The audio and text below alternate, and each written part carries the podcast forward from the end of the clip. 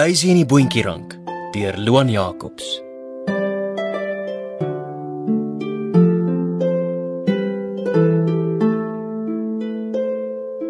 Lank, lank gelede in 'n klein huisie in 'n klein dorpie het 'n seun en sy ma gewoon. Die seun het elke dag skool toe gegaan en sy ma in en om die huis gehelp. Sy naam was Jan. Jan se ma het hom eendag geroep. "Jan, ons het nie meer geld nie. Gaan asseblief mark toe en verkoop ons koei Daisy." Jan het so gemaak en die koei mark toe geneem. Daar het hy 'n jong man, Lennard, ontmoet wie op 'n soortgelyke uitstappie was. Ses magiese bone in die hand. Jan het die koei verruil vir Lennard se bone en die twee is weg met 'n glimlag. Ons ken die res van Jan se storie. Hierdie storie gaan egter oor Lennard, sy vrou Masha en Daisy, die ruilkoei.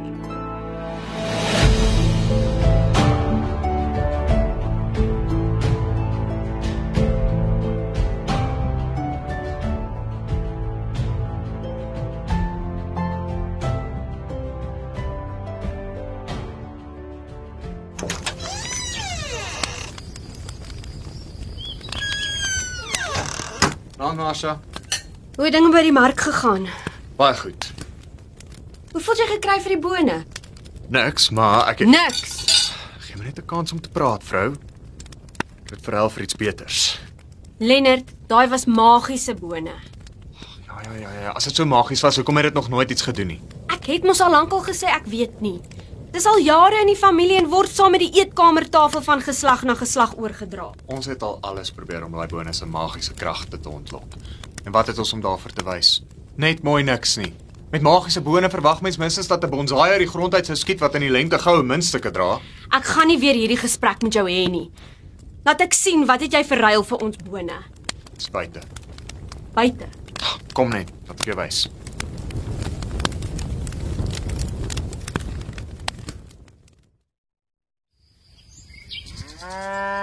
Wat? Wat is dit? 'n Koei Masha, nou wat lyk dit vir jou? Ek weet dis 'n koei man. Ek vra dit in ongeloof. Ongeloof dat ons so goeie winskoopie losgeslaan het. Nee, omdat jy onnosel genoeg was om my erfbone vir 'n brandmarkkoei te verruil. Ek het genoeg gesou bly wees. Ons kan haar vet voer en dan verkoop. Ons kan haar letterlik melk vir geld. en eendag as sy oud is, slag ons haar en ons eet soos konings. Ek weet nie wat om te sê nie. Wel, dankie sal 'n goeie begin wees.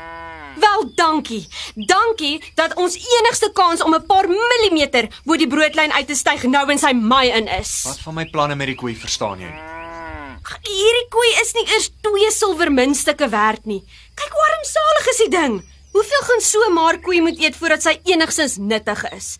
Dan moet ons 'n bul kry want 'n koei kan net melk gee nadat dit gekalf het. Het jy minstens vir die persoon wie haar aan jou verkoop het gevra of sy melk kan produseer? O, so nou weet jy skielik van plaaswerk af. Maar as ek jou hulp vra, is dit nie nou nie, my regisseur Eina. Môre gaan jy terug mark toe en verruil jy haar vir alles wat sy werd is. Ons kon ten minste 5 silwermunte gekry het vir daai bone. Masha, wag. Ai, Lennard. Al gedaan. Hier staan ek nou tussen die duiwel en die diep blou see.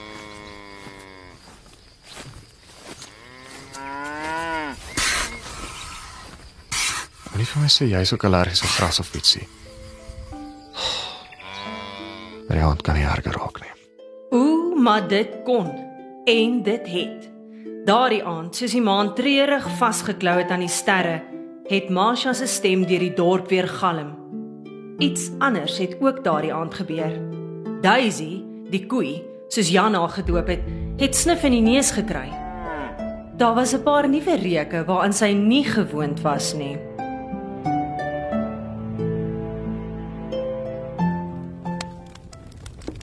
Lennard, kan jy môre nadat jy by die mark was vir ons vanilje jogurt oorkant by Tannie Tessa gaan leen? Hoe lank leen ons nou kos? Hoe gee mense terug eendag? Asseblief nie nou nie. Maar ek sê maar net. As tannie Tessa ooit aan ons deur kom klop en haar vanille jogurt terugkom vra, wat gaan ons doen? Ek weet nie, Lennard. Ek weet nie. Ons is in die moeilikheid. As ons so aanhou, gaan die balje binnekort aan ons deur kom klop. Dalk moet ons net die koei vir die bal hier gee. Wees ernstig, Lennard. Ek is. Met die droogteisoene in die lug, kan ons nie 'n oes verwag vir minstens nog 'n paar weke nie. Met jou wat jou werk verloor het, kan Ek het een fout gemaak. In watter wêreld meng jy heuningasyn en sonneblomme en smeer dit aan ou vrouens se hare?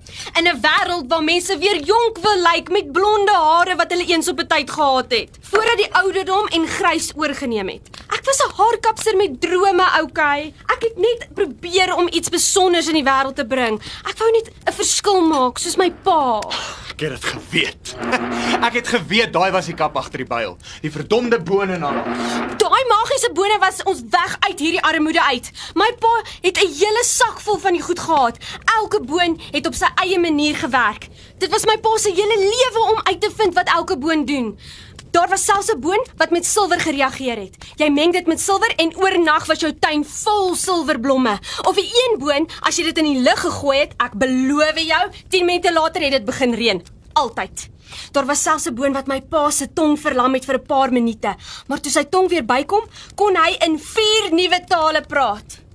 Pa was 'n vreemde man, maar so behep gewees met hierdie bone, so erg so dat hy eendag net verdwyn het. Toe los hy die ses oor wat niks doen nie. Het jy nie al gedink dat hulle net normale bone was nie? As dit die geval is, is ons baie gelukkig dat ek 'n koei kon kry vir ses normale bone. Genoeg. Ek is siek en sat daarvoor dat jy my nie glo nie. Want dit is absolute snert. Jy is veronderstel om my te ondersteun. Ek was pragmaties. Ek het gedink aan ons toekoms. Hierdie koei kan ons help. Baie meer as wat jou mal pa kon. Jy praat nooit weer so oor my pa nie. Maar so wag. Ek is jammer. Dit was 'n koue aand op die bank vir Lennard. Hy het geweet hy het te ver gegaan. Hy het teruggedink aan 'n tyd toe hy en Masha saam gelag het. Maar soos enige verhouding kom daar 'n tyd waar jy beide die slimste en domste opeens is. Regte en verkeerde antwoorde is moeilik om te onderskei.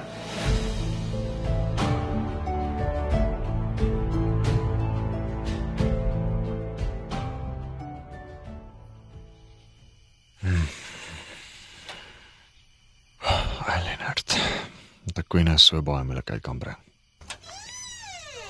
Hm? Hm? Nou. Wat dink jy doen jy? Mal koei, gaan uit. Dit sal die dag wees. Watter wêreld het mens ooit al van 'n koei gehoor wat haar kooi binne 'n huis loop soek? Ah, Kom. Ek gryp die tou so om jou nek. Sterker as dit jy lyk. Like, so steek soos 'n bly. Ag nee man, sis man. Dis my boarm. Wat is fout met jou? Is hierdie soos 'n koei verkoue? Nou dink jy jy's 'n hond. Ha, Anja. Die kant toe. Kom. Dinge het vreemder geword soos die aand lank geword het vir Lennard. Hy het sukkel sukkel vir 'n vasbeslote Daisy uit die huis uitgestoot. Hy het toe buite gaan staan en gekyk hoe die donker wolke die naglig grys verkleur.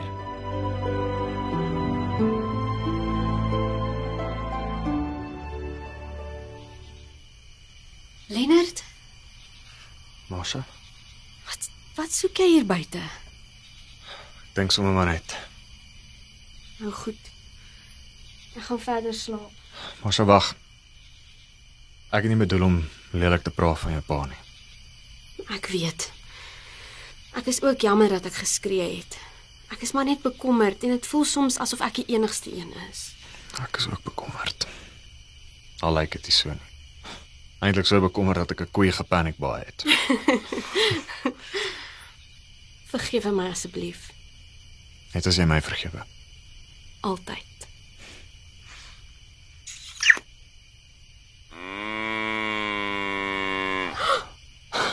Nou dis iets wat mense aldag sien nie.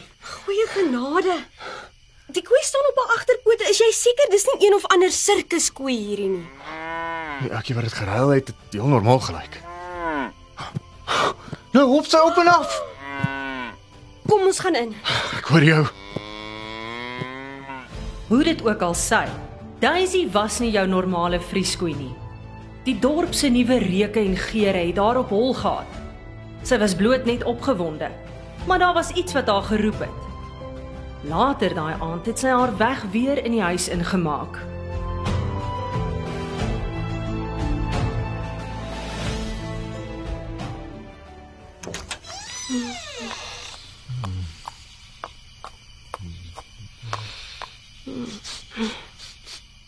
Lennert? Lennert? Ha, wat, wat is dit? Iets is fout met hierdie koei. Hoe het sy ingekom?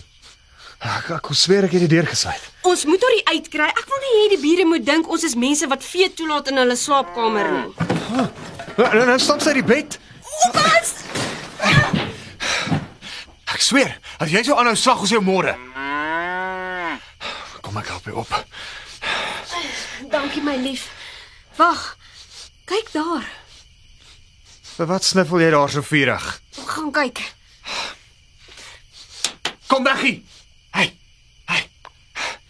Sjoe, sjoe. Ja, ja, sjoe, gaan weg. Gaan Buite, buite. Masha. Was hier nog altyd so 'n diep kraak onder ons bed gewees? Wat? Ja. Kyk hoe lyk hierdie ding. Dis asof ons huisie se are begin bars. Masha. Kyk hier. Wat is dit? Dit lyk na 'n klep van 'n soort. Masha. Dis 'n valdeur. Dis baie vreemd. Hierdie is my pa se ou huis. Ja, en ons is tot vandag toe nog dankbaar dat hy dit goedhartig vir ons agtergelos het. Nee man, dis nie wat ek bedoel nie. Oh, dankie tog. Ek was bang ek het weer iets verkeerd gesê oor jou pa. Ek het groot geword in hierdie huis. My pa sou seker iets gesê het van die valdeur. Jou pa was baie geheimsinnig. Sal ons ingaan? Ek steek gou 'n kers aan.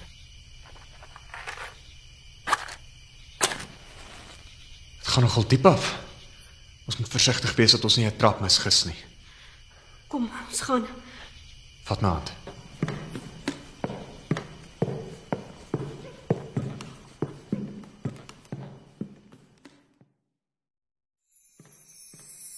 Marsha en Lennard het in die donker nag die trappe geklim en hul weggevind na 'n hele gang vol skatte.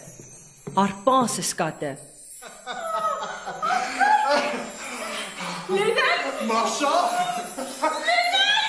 Masha! Silverblomme, bonsai boontjies met goue muntstukke wat aan die takke hang, bone van alle kleure, sakke en sakke vol bone. Of hulle magies was, was vir Lennard en Marsha om uit te vind. Soms in mense lewe is die antwoord onder jou neus. In hierdie geval onder Daisy se neus.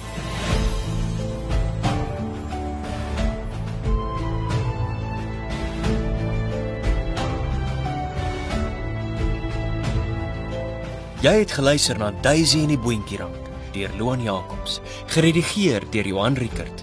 Daisy en die Boontjierank is opgeneem by Marula Media in Centurion met tegniese versorging deur Marius Vermaak. Die rolverdeling is as volg: Lennard is vertolk deur Jacques Adrianse. Masha is gespeel deur Ine Marie Skoonraad en die verteller is vertolk deur Ilana Baker.